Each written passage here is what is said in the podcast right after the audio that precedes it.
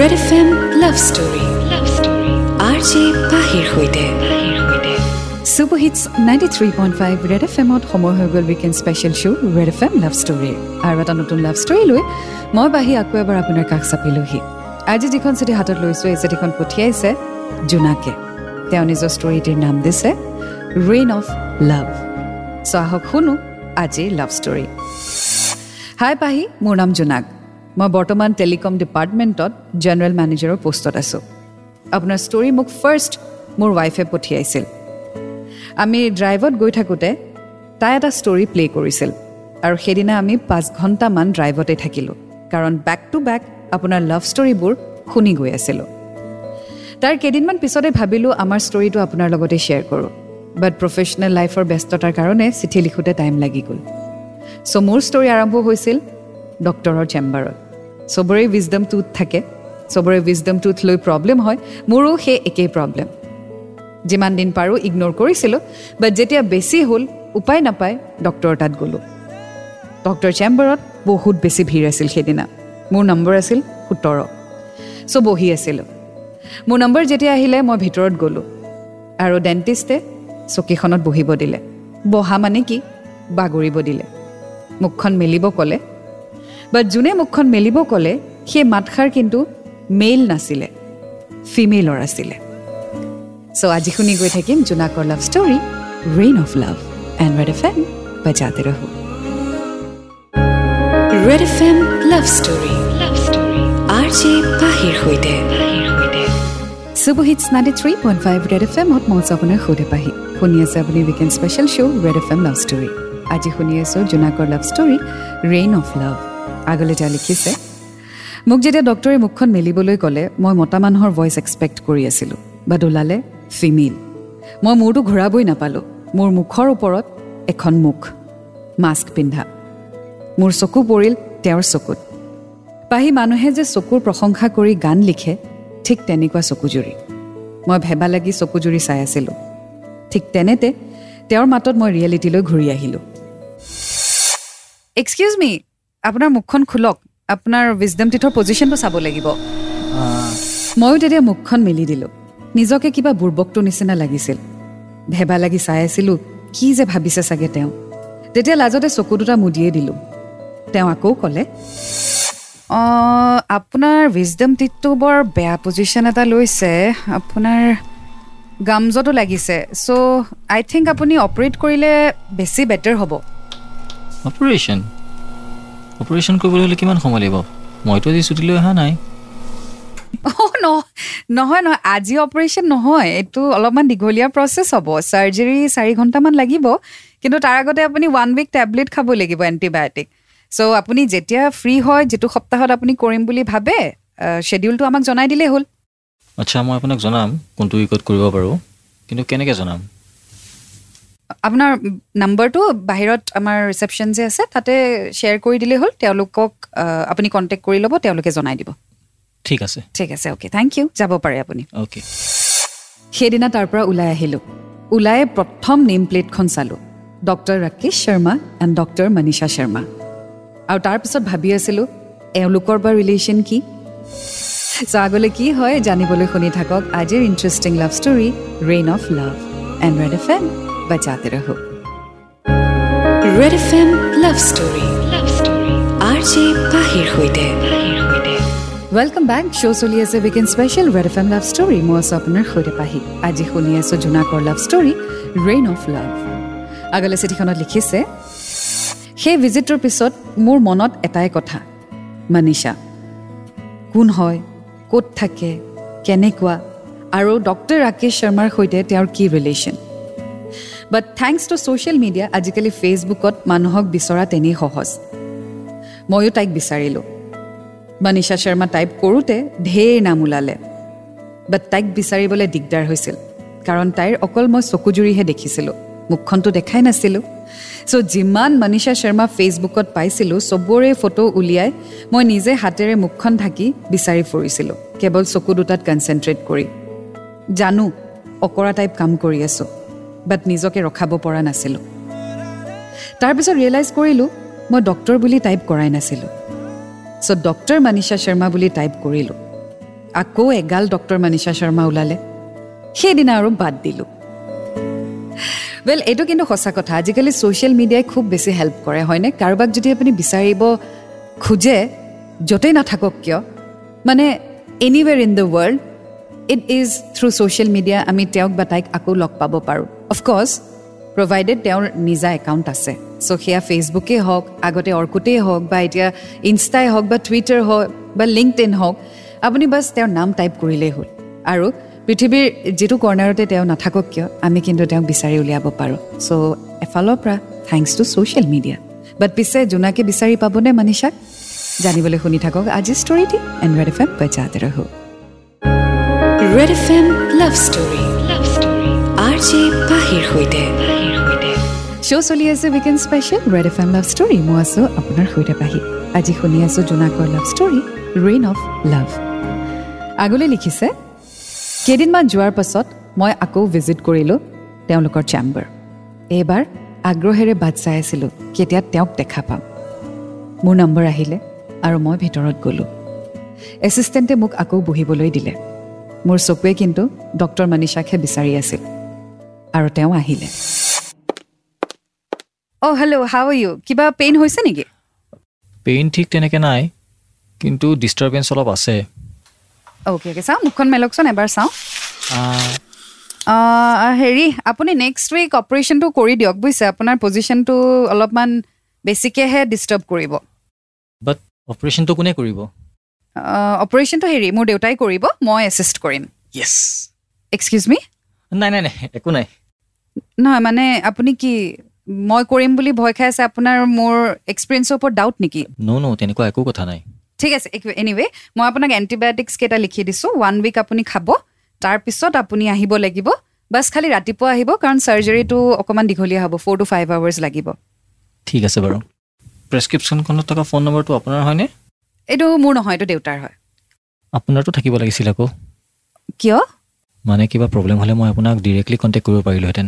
Don't worry একো problem নহয়। মানে নিদিয়ে?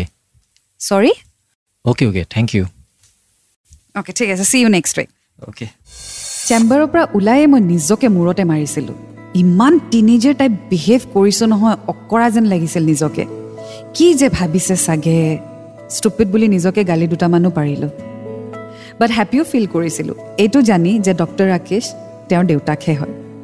চ' ফাইনেলি যিটো কথা চিন্তাত পেলাই দিছিলে জোনাকক যে ডক্টৰ ৰাকেশ আৰু মনীষাৰ ৰিলেশ্যনশ্বিপ কি তেওঁলোক দেউতাক আৰু জীয়েক তো ইয়াৰ পৰা এতিয়া আগ কেনেকৈ বাঢ়িব জানিবলৈ শুনি থাকক আজি জোনাকৰ ষ্টৰী এনৱাইড এফ এম বজাতে ৰহো Red F M love story love story R J পাহিৰ সৈতে ৱেলকাম বেক শ্ব' চলি আছে weekend special Red F M love story মই আছোঁ আপোনাৰ সৈতে পাহি আজি শুনি আছোঁ জোনাকৰ ষ্টৰী ৰেইন অফ লাভ আগলৈ তেওঁ লিখিছে এসপ্তাহৰ পিছত মোৰ অপাৰেশ্যনৰ দিনটো আহিলে।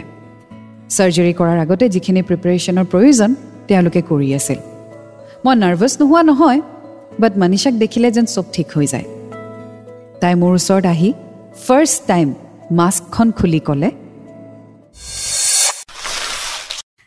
অল ছেট তেতিয়া আপোনাক মই এনেষ্টেচিয়া দিম গামত দিম। অকণমান পৰুৱাই কামোৰা নিচিনা পিন্ধিব তাৰপিছত আৰু আপুনি একো গম নাপায় অ'কে ময়ো যে তেওঁৰ মুখখন দেখি কি ভাবিলোঁ একো চিন্তা নকৰি মই ওলোটাই ক'লোঁ আচ্ছা চাৰ্জাৰীৰ পিছত আপোনাৰ নম্বৰটো মোক দিবনে?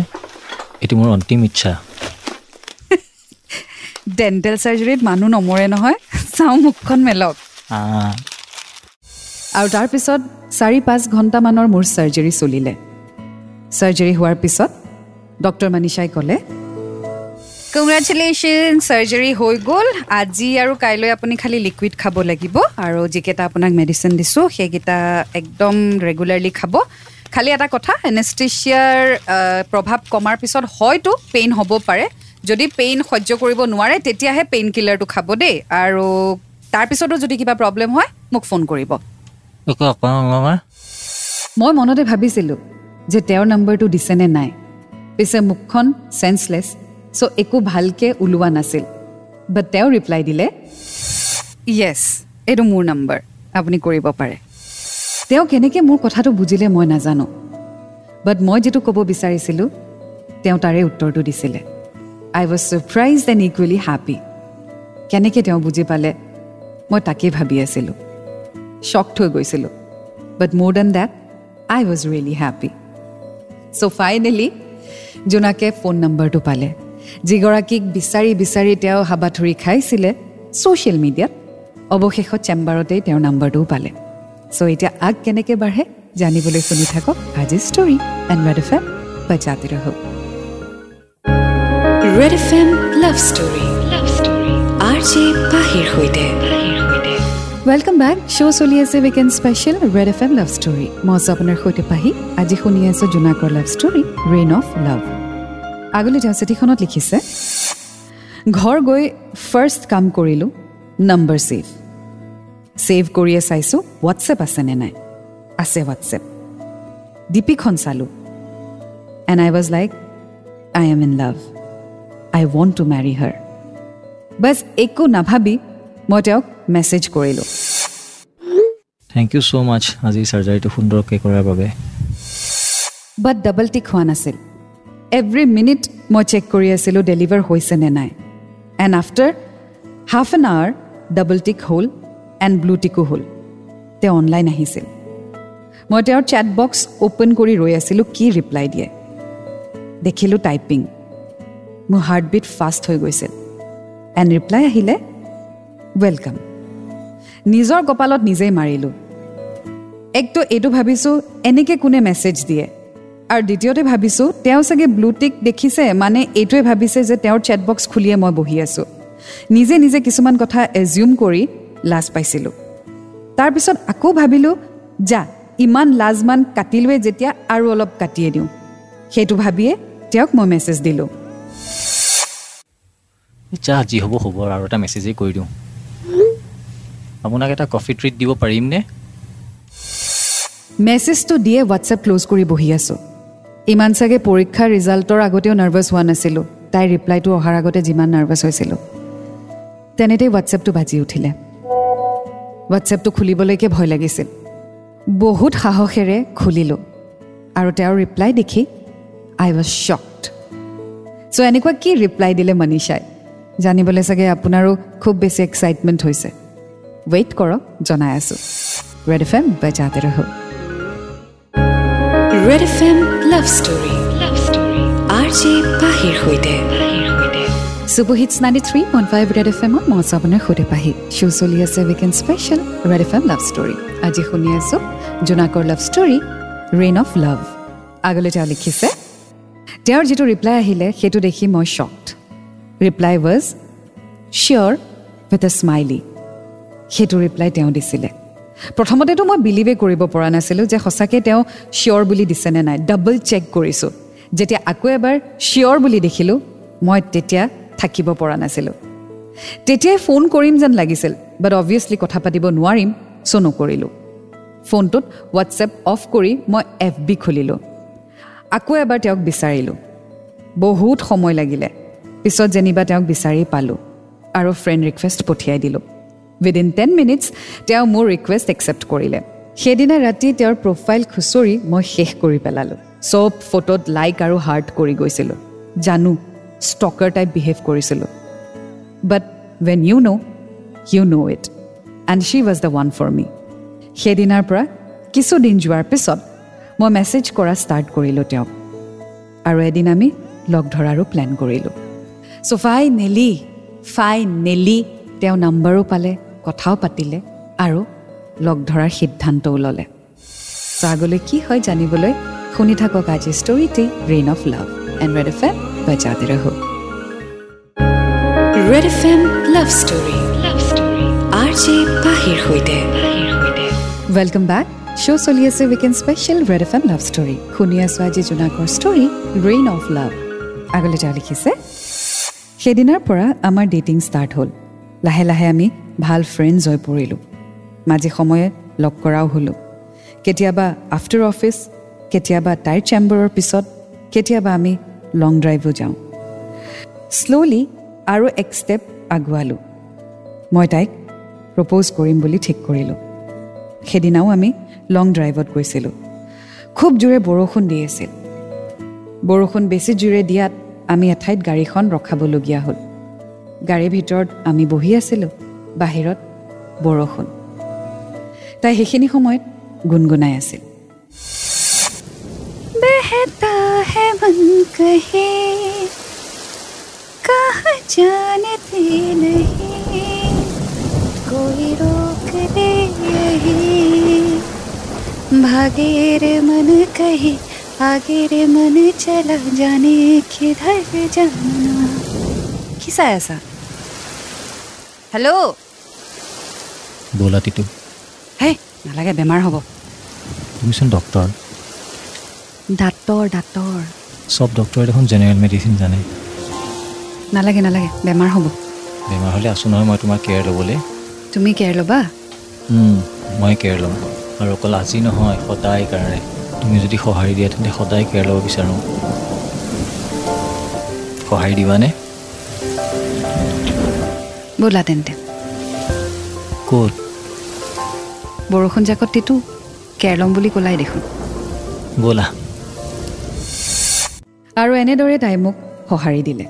তাৰ পিছৰ ষ্টৰী এতিয়া আমি husband wife happily married and taking care of each other not just in sickness but also' in everything and promise to do so' until death এয়াই আছিলে আমাৰ story thank you so' much for this platform where we can cherish our love and relive it thank you once again to entire Red F M team well thank you so' much Jonak for this beautiful story খুব ধুনীয়া আপোনালোকৰ story very interesting আৰু খুব ভাল লাগিলে। বাট of course আমি নাম change কৰি দিওঁ so' I hope you don't mind যে আমি আপোনাৰ ৱাইফৰ নাম চেঞ্জ কৰি দিছোঁ। বাট দেন প্ৰিভিয়াছলি কাৰণে আমি এইটো কৰিবই লাগে। But this was a very very very beautiful and inspiring story and I hope you guys stay in love forever so' এয়া আছিলে আজিৰ ষ্টৰী ৰেইন অফ লাভ বৰষুণ জাকৰ দৰে আপোনাৰ জীৱনলৈও হয়তো প্ৰেম আহিব পাৰে।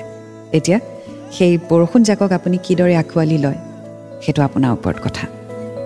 চ' এটা নতুন ষ্টৰীৰ সৈতে আকৌ মই পাহি আপোনাক লগ পাম। Until then do fall in love it's a great feeling you will get to learn a lot and always remember I love you and Red F M বাজাতে ৰহো